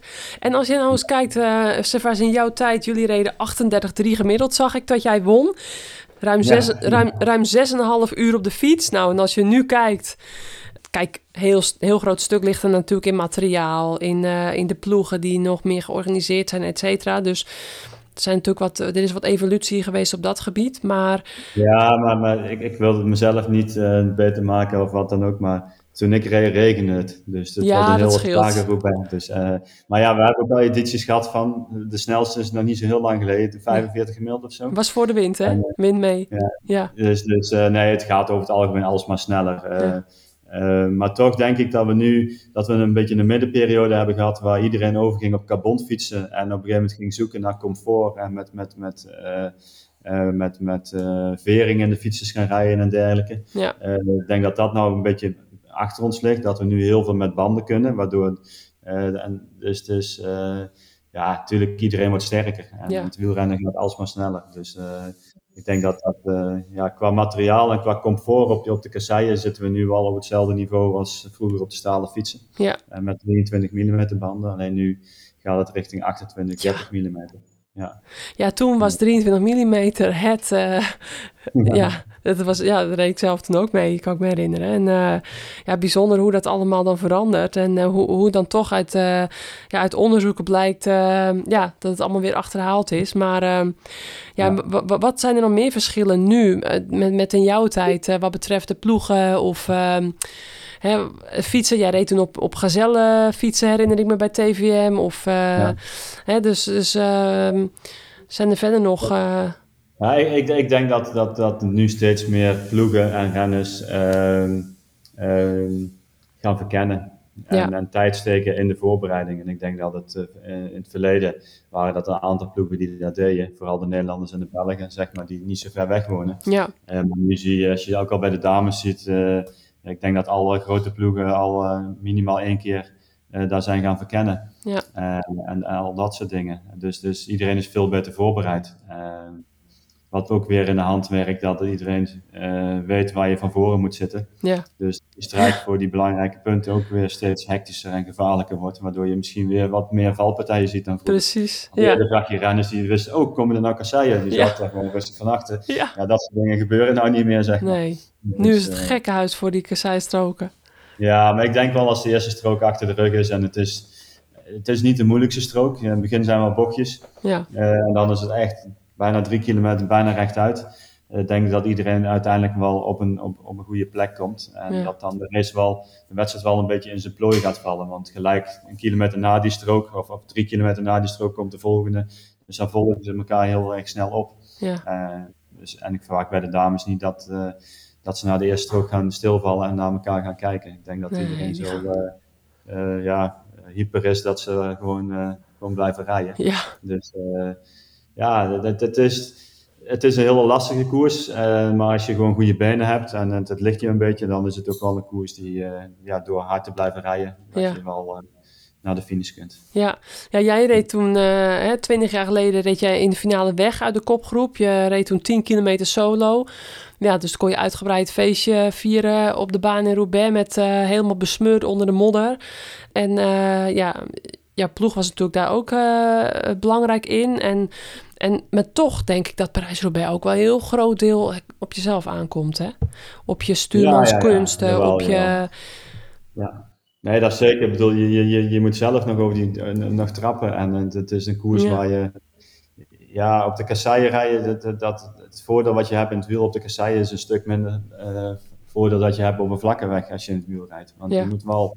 Ja, de, dus, dus natuurlijk is, is uh, een ploeg kan zeker een voordeel zijn. Ja. Maar je moet wel eerst in die positie komen dat je daar nog bent. En, en uh, ja, dan kan er voor ja, een, goede, een goede ploegmaat bij je, sterke ploegmaat, kan zeker, zeker een voordeel zijn als het, het, ja, het, tactische gedeelte begint, zeg maar. Precies, ja. Dat, ja. ja. Um, er zijn um, mensen, zoals bijvoorbeeld uh, Benno Hino, waarmee ik uh, een paar weken terug uh, nog in Eroica fietste. Die was er toen ook. En toen kreeg, ik, kreeg ik het er ook met Jan Jansen nog even over. Hè, want die heeft ook Parijs-Roubaix gewonnen. En Hino heeft hem één keer gewonnen. En die zei, ik vind het helemaal niks met, met wegwielrennen te maken hebben. En ik, ja. ik doe niet meer mee. Dus... Ja, hij, hij, ik heb ook al gehoord dat, dat hij hem gewoon expres gereden heeft en, en per se wilde winnen. Zo van, oké, okay, ja. dan heb ik die ook afgevinkt. Ja. Bewijs van. Ja. Uh, ja, hij was geen helder, geen fan daarvan. Ja, hij heeft ook uh, Luik gewonnen, volgens mij in de sneeuw.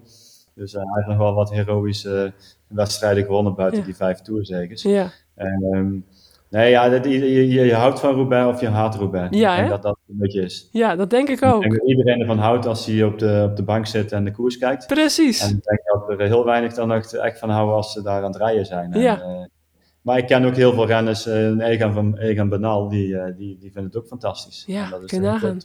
Dus het, het, heeft heel veel te maken met, met de mindset en, en ja of je het kunt of niet kunt. Ik bedoel, ja. ik vind veldrijden echt niet leuk, want, maar ik kan dat ook niet. Nee. Bij wijze van spreken. En ik ja. vond baanwielrennen heel leuk om te doen, want daar, ja. ik was er ook redelijk goed in. Dus dat, daarvan ja, heeft het ook al mee te maken. En, en een renner van 50 kilo, een klimmer, ja, die, die, die zal het niet leuk vinden om Parijs-Roubaix te rijden. Nee. Maar een sprinter van, uh, van 75 kilo, ja. die vinden het fantastisch. Dus um, kijk, jij, jij, jij bent ook uh, niet een hele grote... Uh, ja, je bent ook geen Magnus Bakstedt of noem maar, hè, die, die nu ook twee uh, talentvolle fietsende dochters uh, rond heeft rijden en ook WK-medailles pakken. Uh, zelfde leeftijd ja. als jouw dochters. Dat vind ik ook wel weer leuk om te zien. Ehm, dus ja, toch denk ik dan, ja. als ik het zo een beetje samenvat, dan lag het eigenlijk wel grotendeels aan jouw mindset. Dat zo'n zo'n hele zware koers jou dan wel heel goed lag. Je rijdt, hem, je rijdt hem niet voor niet zes, 16 keer uit natuurlijk. Sorry, ja, ik kon me heel goed vastbijten in, in het wiel ook van, uh, als het dan heel hard ging op de kasseien, kon ik me nog heel lang vastbijten in, in zo'n wiel. Ja. Uh, ja, en ik ben misschien, ja, hoeveel woog ik toen ik won? 68, 69 kilo denk ik. Dus ja, ja er zijn er niet heel veel die lichter waren dan ik, die, die, die Roubaix gewonnen hebben, zeg maar. Mm. Uh, maar het is ja, mindset, het is ook een manier van rijden. Hoe, ja. hoe, hoe rij je op de kasseien? Hoe zit je op je fiets? Uh, dus, dus ja, dit is van alles. Maar ik denk vooral, uh, je moet het leuk vinden. En Ja. Je moet ervoor gemotiveerd zijn. En je moet met dat mes tussen je tanden aan de start staan en, uh, en naar de finish rijden, zeg maar. Zeker. Ja, precies. Brit, uh, je hebt goed geluisterd. Ja. Hoe dat allemaal moet. Heb jij ook al die, uh, die Parijs-Roubaix-edities, al die 16 Parijs-Roubaix-edities, nu je zelf mee gaat doen, heb je die teruggekeken? Tenminste, die van uh, volgens mij de overwinning van 2001, die staat volgens mij gewoon nog ook helemaal volledig. Kun je terugkijken. Um, of in ieder geval, er zijn heel veel samenvattingen te vinden. Heb je die ook bekeken nu dat je zelf gaat rijden? Hoe je vader uh, daar uh, solo aankwam en ook dat hij demareerde uit de kopgroep. Al die fragmenten staan die op je netvlies? Ja, die heb ik wel een paar keer gekeken. Die hebben we ook nog, denk ik, vorig jaar in corona. Ze hebben zeg maar elke avond gewoon op YouTube een paar filmpjes opgezocht. Ja. Toen hebben we die ook een keer bekeken. Dus ja, dat is wel leuk om te zien. Ja, ja dat, je ziet wel dat, dat, dat uh, onze kinderen, denk ik, ik weet niet, waarschijnlijk meer uh, wielrensters, Eh, maar Britt die, die kijkt heel veel wedstrijden terug op, eh, op YouTube. Slim. Op, eh, en, eh, ja, en, en zeker Roubaix. Bedoel, als je Roubaix van 2001 eh, gaat terugkijken, ja, dat, oké, je zult misschien niet herkennen omdat het zo slecht weer was. Maar Mhm. ja, dat is bijna 90% nog hetzelfde als wat die meiden nu gaan rijden eh, volgende week zaterdag. Dus die finale van Roubaix die is maar minimaal veranderd. En ja, dat maakt het ook zo mooi, zo'n koers, vind ik. Ja. dan is ook een echte klassieker dan. Ja, nee, dat is eh, prachtig. En eh, jeetje, wat moet het bijzonder zijn eh, om, om daar dan je dochter aan de start te hebben. En dan heb je... eh, Destijds, zei je, had je al iedere keer... Hè, al die 16 keer had je wat spanning en wat zenuwen van tevoren. Was dat dan ehm, omdat je misschien een beetje bang was dat je veel pech zou krijgen in de zin van lekke banden op het precies het verkeerde moment of de, op valpartijen, wat natuurlijk altijd inherent aan Parijs-Roubaix is, of Nou, nee, nee, het was vooral van dat, dat ik geen goede benen zou hebben, zeg maar. ja, Dat was het vooral, van, want dat was de dag dat ik goed wou zijn. ja, En dan was het altijd, maakte je nerveus van, ja, ga ik ook echt goed zijn? En, en, en, en als je dan wat ouder wordt, dan weet je, oké, ik ben in Gent-Wevelgem, maar was ik goed. Dus nou, zondag ga ik ook wel goed zijn. Ja, Alleen als precies. je jonger bent, ja, dan, dan, dan weet je dat nog niet. nee, Eh, dus dus eh, dat, dat was vooral het, eh, ja, en, en, en, en voor de koers zelf, eh, of in de koers, dan was het Arenberg, was altijd wel eh, het moment waar je, ja, daar moest je goed doorheen komen. ja, En, en dan liep de koers wel. ja, Dus, eh, nee, het was vooral nerveus zijn omdat ik zo graag wou. Ik wou zo graag gewoon Ja. eh, goed zijn daar en, en een goede uitslag rijden. ja. Ja. En waar stond Natasja toen destijds ook met de eenjarige Brit in een Roubaix op de wielenbaan nadat je gefinished was? Nee, die, die, die, die stond eh, gewoon in, in de woonkamer voor de tv Ja? te springen. Ja. ja. Nee, en Tatja die is niet vaak op de koers geweest. eh, nee, nee, nee. Die, eh, die was van meestal thuis. In de Tour kwam ze wel altijd naar Parijs. maar verder, nee, en dat was ook prima. Ik bedoel, Ja. ze zegt ook altijd zo, ja, ik ga toch ook niet, als, als, als ik op kantoor ergens zou werken, ze gaat ze kunnen kijken. Weet je wel, zo staat zij er een beetje in. Ja, ja, En, heel nuchter. Ja, ja, uiteindelijk is het een beetje zo. Ik bedoel, ik ga gewoon werken en eh, ja, het is toevallig wielrennen. Ja, Ehm, dus, dus eh, nee, maar die was thuis en eh, dat was op zich wel goed, want ja, toen, kwam dus, toen ik s'nachts thuis kwam, zat natuurlijk heel het huis vol, eh, vol volk. ja had ze Dus, dat wel eh, geregeld toen ook voor Dus het jou? was goed dat ze thuis was, Ja. dan was het een beetje een goede baan kunnen leiden. Nee. Ja, precies, ja. Mooi om te horen hoor. Wat Ehm, ook wel mooi was, wat, wat mooi was, dat, dat toen, eh, de dag daarna had ik een interview met de NOS en eh, eh, weet ik nog, Brit was negen maanden en in dat interview had ik Brit op schoot. Oh, Dus dat is wel heel leuk. En dat, ja. Maar op zo'n dag zoals nu, op de, met Parijs-Roubaix komen wel heel veel leuke dingen, leuke herinneringen terug. Ja. En, eh, ja, ik, ik vind het wel heel bijzonder dat, eh, ja, misschien omdat het de eerste keer is, maar ik vind het heel bijzonder dat nu met de eerste Roubaix voor vrouwen, Ja, eh, ja, dat dan eh, een van mijn dochters eh, meerijdt. Ja, ja dat, dat is moet, eigenlijk heel bijzonder. Dat is ja. super bijzonder. Ik bedoel, eh, ja, wie, wie, welke vader maakt dat nou mee? eh? hè, dat komt Ja, je kunt je dan ook een beetje verplaatsen in, eh, een Adrie van der Poel, of ja, zo zijn er nog meer, eh, Jean-Paul van Poppel, Ja. Eh, van eh, Eddy Merckx. Ja, Eh, ik bedoel, waarvan de kinderen fietsen en, eh, en, en prof zijn geweest en prof zijn. ja, Eh, dus dus eh, ja, op dat moment dan, eh, ja, vind ik, ja, doet mij wel wat. Vind ik zeker.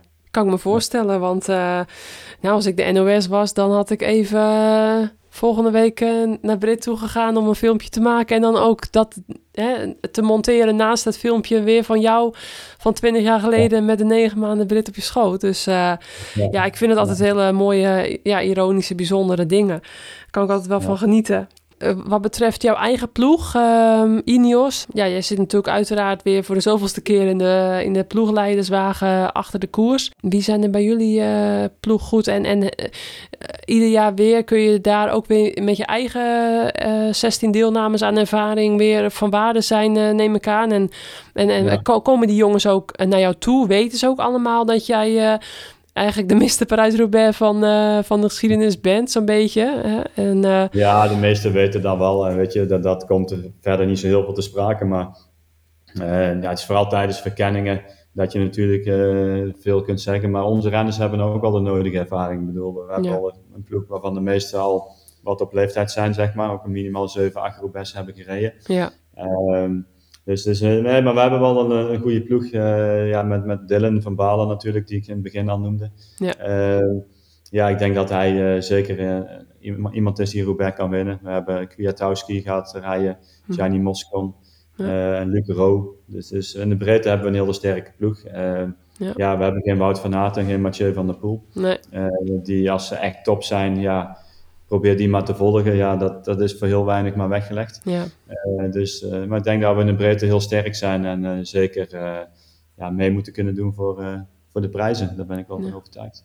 Ja, mooi dat je, dat je er sowieso dan ook bij bent. De vrouwen rijden natuurlijk op zaterdag. Ja. Nou ja, um, zijn er nog verder nog uh, zaken die we over Parijs-Roubaix kwijt kunnen? Nou, ik denk dat, uh, dat ik gewoon uh, zal zeggen tegen iedereen van uh, zeker even kijken. De vrouwen worden meteen ook uitgezonden. Dat is natuurlijk heel mooi. Dat ze gelijk ook ja. voor de allereerste keer het podium krijgen. Ik ben zelf ook ehm, heel nieuwsgierig hoe, hoe een slagveld het gaat worden. Uh, hangt ook een klein beetje misschien van het weer af. Deze week is het prachtig weer, althans hier in, in uh, Noord-Holland. Maar uh, ja, misschien gaat het nog wel beter weer zijn volgende week in oktober dan, dan in het voorjaar, wanneer Parijs-Roubaix normaal verreden wordt. Maar goed, afhankelijk daarvan denk ik dat het bij de vrouw wel een heel groot slagveld gaat zijn. Dus ik hoop dat het evengoed wel ook meteen ook met de live beelden, ehm, ja, dat het even een beetje succes gaat worden. Dat het ook natuurlijk ook volgend jaar weer uh, ja, daardoor uh, goed live uitgezonden gaat worden en alle media-aandacht krijgt. En uh, ja, het is natuurlijk voor vrouwen behoorlijk heftig. Dus ehm, heel benieuwd naar de reacties. En ehm, nou, dan gaan jouw zusjes langs de kant staan, Brit? Of blijven die thuis? Of hebben die nog andere koersen? Ik denk niet. Ik denk dat ze gewoon voor de tv gaan zitten. ja, dus volgens mij zijn er een paar die moeten het NCK rijden volgende week. Oh, dus, natuurlijk. Uh, dat is ook een belangrijke... Dat is een hele leuk evenement inderdaad. Met, met de club op het eind van het jaar uh, proberen de ja. nationale clubtitel uh, te behalen. Ja, en, en, ik geloof dat Mirre, Mirre, de derde oudste van ons, die rijdt zaterdag, zondag in Gieten. Oh, de cross. Ja. Ja, dus, dus en dus we, zijn, we, we, hebben een goed gevuld weekend, dat sowieso uh, volgende week. Ja, ja wederom. En, en, en jouw, jouw verdere doelen en ambities voor... Um, nou ja, kijk, het seizoen is natuurlijk bijna afgelopen. Hè? Je, je bent er nu helaas niet bij op het, uh, op het WK natuurlijk. Maar ja, goed, die beloftecategorie is er nog niet. En bij de elite is het natuurlijk gewoon bijna niet te doen om je te kwalificeren als elite dame is het al uh, ja, heel lastig. Uh, de wereldkampioen Ellen van Dijk, die bijvoorbeeld ook al niet op de Olympische Spelen reed, om maar een voorbeeld te noemen. Dus het is gewoon super, super lastig.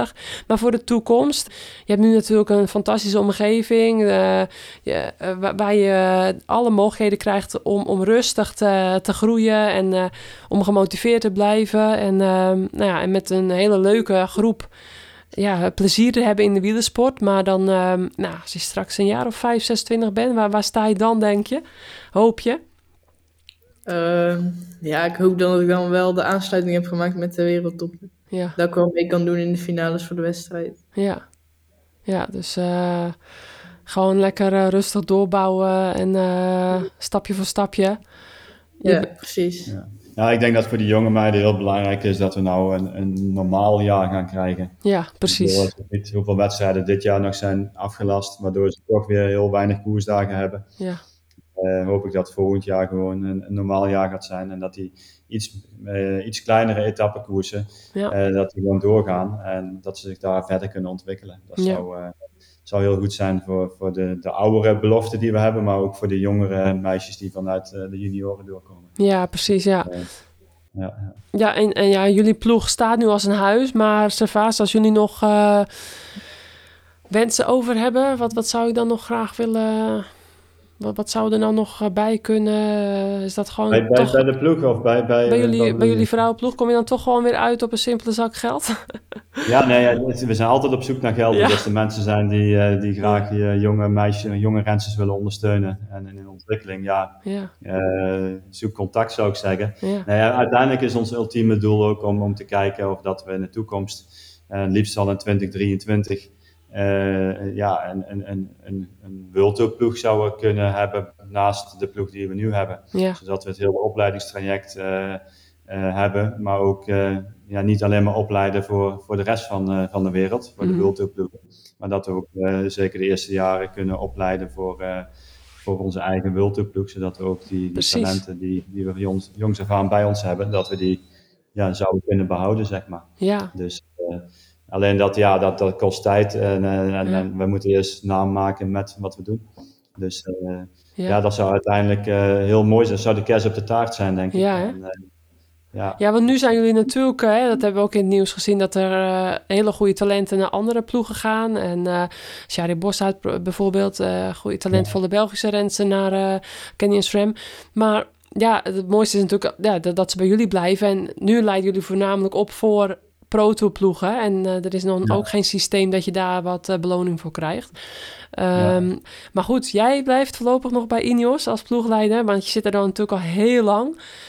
ja, nee, dat blijf ik gewoon doen. Ik, ik zit er nu 11 jaar en ik heb, eh, ja, ik heb daar heel goed naar mijn zin. Ja, En het is gewoon heel leuk. En je leert er ook heel veel bij. En er zijn ook altijd wel wat, ja, wat, wat dingen die je ook, ook aan, aan, aan onze rensters kunt, kunt meegeven. ja, Eh, dus dus eh, nee, dus ik, dat, dat blijf ik gewoon doen. Ja. En eh, eh, ja, je weet nooit hoe de toekomst gaat lopen. We zien Nee. wel, maar voorlopig is het dit nog, zeg maar. Ja, precies. Dan blijft het nog even hierbij.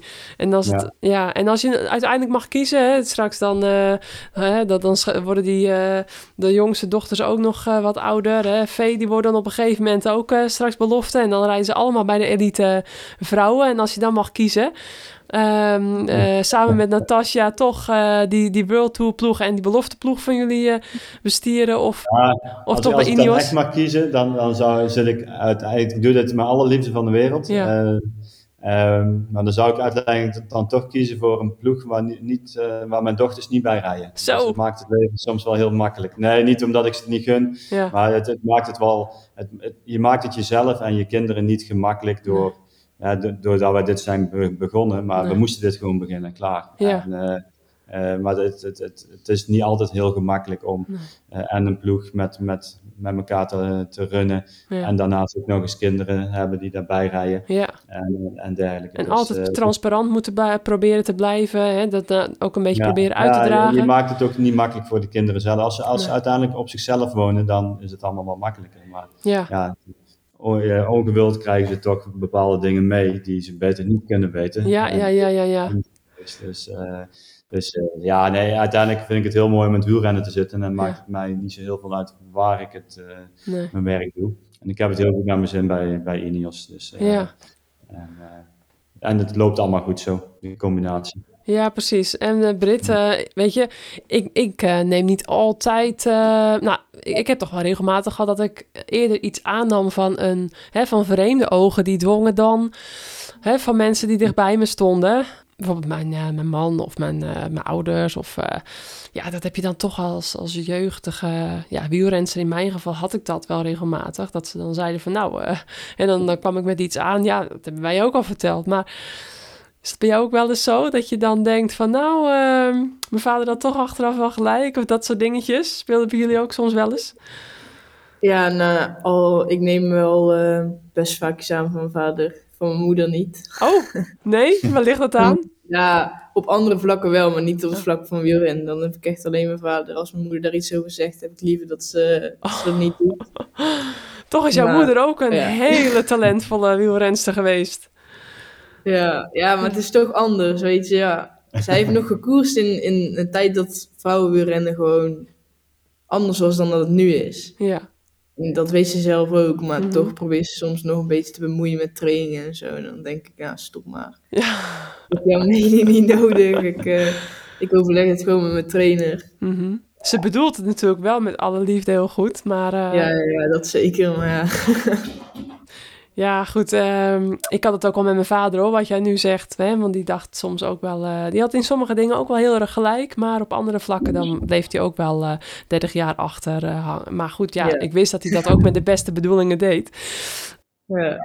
Maar goed, dus eh jouw moeder die zit dan voor de tv en eh, met je zusjes. eh, nou, jouw vader is dan eh, wel in Roubaix, hè? ook op, op, op, op 3 oktober eh, en op 2 oktober ook bij de vrouwen.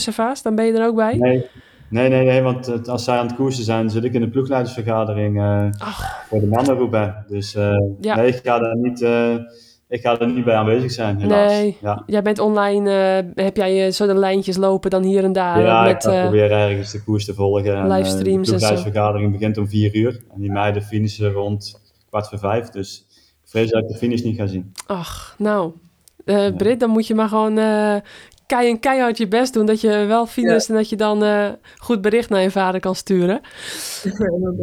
dus, um, nou, um, ik hoop voor jou, Brit, volgend jaar weer gewoon normale wedstrijden. En ook als doelstelling volgend jaar toch wel bij de EK weer aanwezig te zijn ook. Om daar weer te mogen rijden ja. voor de belofte.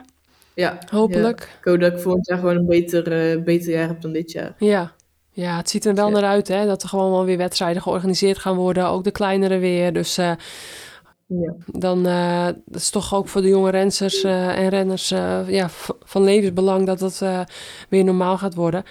Nou, ik hoop het uh, voor je dat je, uh, ja, dat, en ook dat we jou in de toekomst, hè, dan uh, hebben we nou toch wel weer een legendarische podcast ook gemaakt, hè, dat we nou jou ook gehoord hebben, twintig jaar na je vader, en dat je, ja, dat het ook jouw grote droom is, toch wel heel bijzonder over zo'n lo loodzware wedstrijd waarvan je eigenlijk weet dat het, dat het gewoon zo zwaar is dat je dan toch ook als doel hebt om die ooit te winnen. Nou, je weet van, van, je vader en moeder wat je er allemaal voor moet doen en moet laten, dus wat dat betreft nou ja, en dan je studie nog daarnaast. Dus dat is ook uh, niet niks, hè? Je, je rechtenstudie op de Universiteit van Tilburg. Dus uh, wanneer is ja. dat afgerond ongeveer, die studie?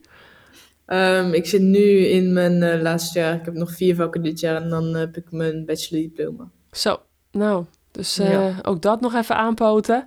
Ja, precies. En dan, daarna hopelijk fulltime fietsen met gewoon dat je even gewoon lekker alleen maar daarop kan richten. Ja, sowieso een jaartje gewoon uh, geen school en dan ga ik kijken voor een master. Ja, precies. En dan, uh, ja, hopelijk na die master dan profielrenster worden. Is dat je uit ultieme droom? Ja, dat uiteindelijk wel, denk ik, ja. Maar ja, ik weet nooit hoe het gaat lopen. Dus nee, je kan maar beter achter de hand hebben. belangrijk. Ja, zeker weten. Nou, heel veel succes volgend weekend. Uh, ik ga het uh, zeker op de voet volgen.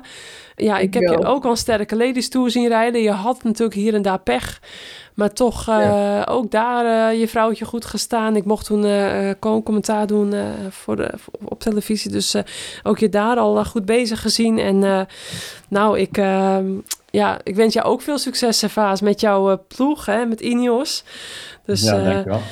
En ja, geniet er lekker van. Hè. Sta nog even stil weer bij 20 jaar geleden, zou ik zeggen. En uh, nou, dat zal je vast wel doen als ik het zo hoor. Dus um, nou ja, en dan uh, um, hebben we op de planning staan dat ik jouw moeder en uh, zusje Senna nog een keer ga spreken. Ook over het stukje vrouwenwielrennen en haar uh, uitlatingen ook uh, hè, in het nieuws over het, uh, ja, het, de gewichtsproblematiek in het vrouwenwielrennen.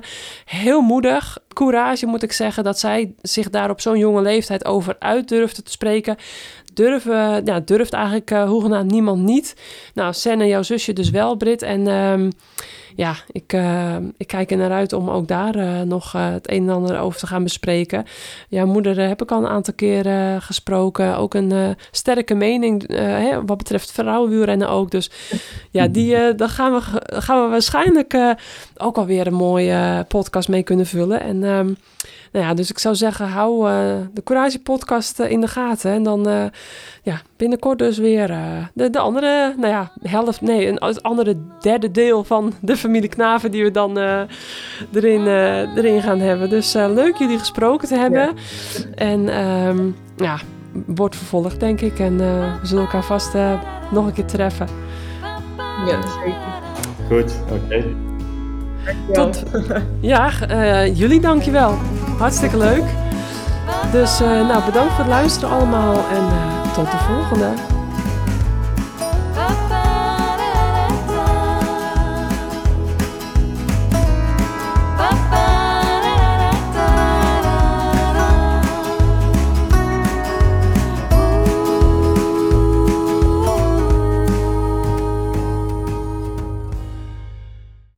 Deze podcast is gemaakt door Vera Koedoder. Vind je dit een leuke podcast? Laat dan een review achter op Spotify of Apple Podcasts. Je hoort in deze podcast muziek van mij voorbij komen. Wil je er meer van horen? Check dan Marianne Lichtart op Spotify.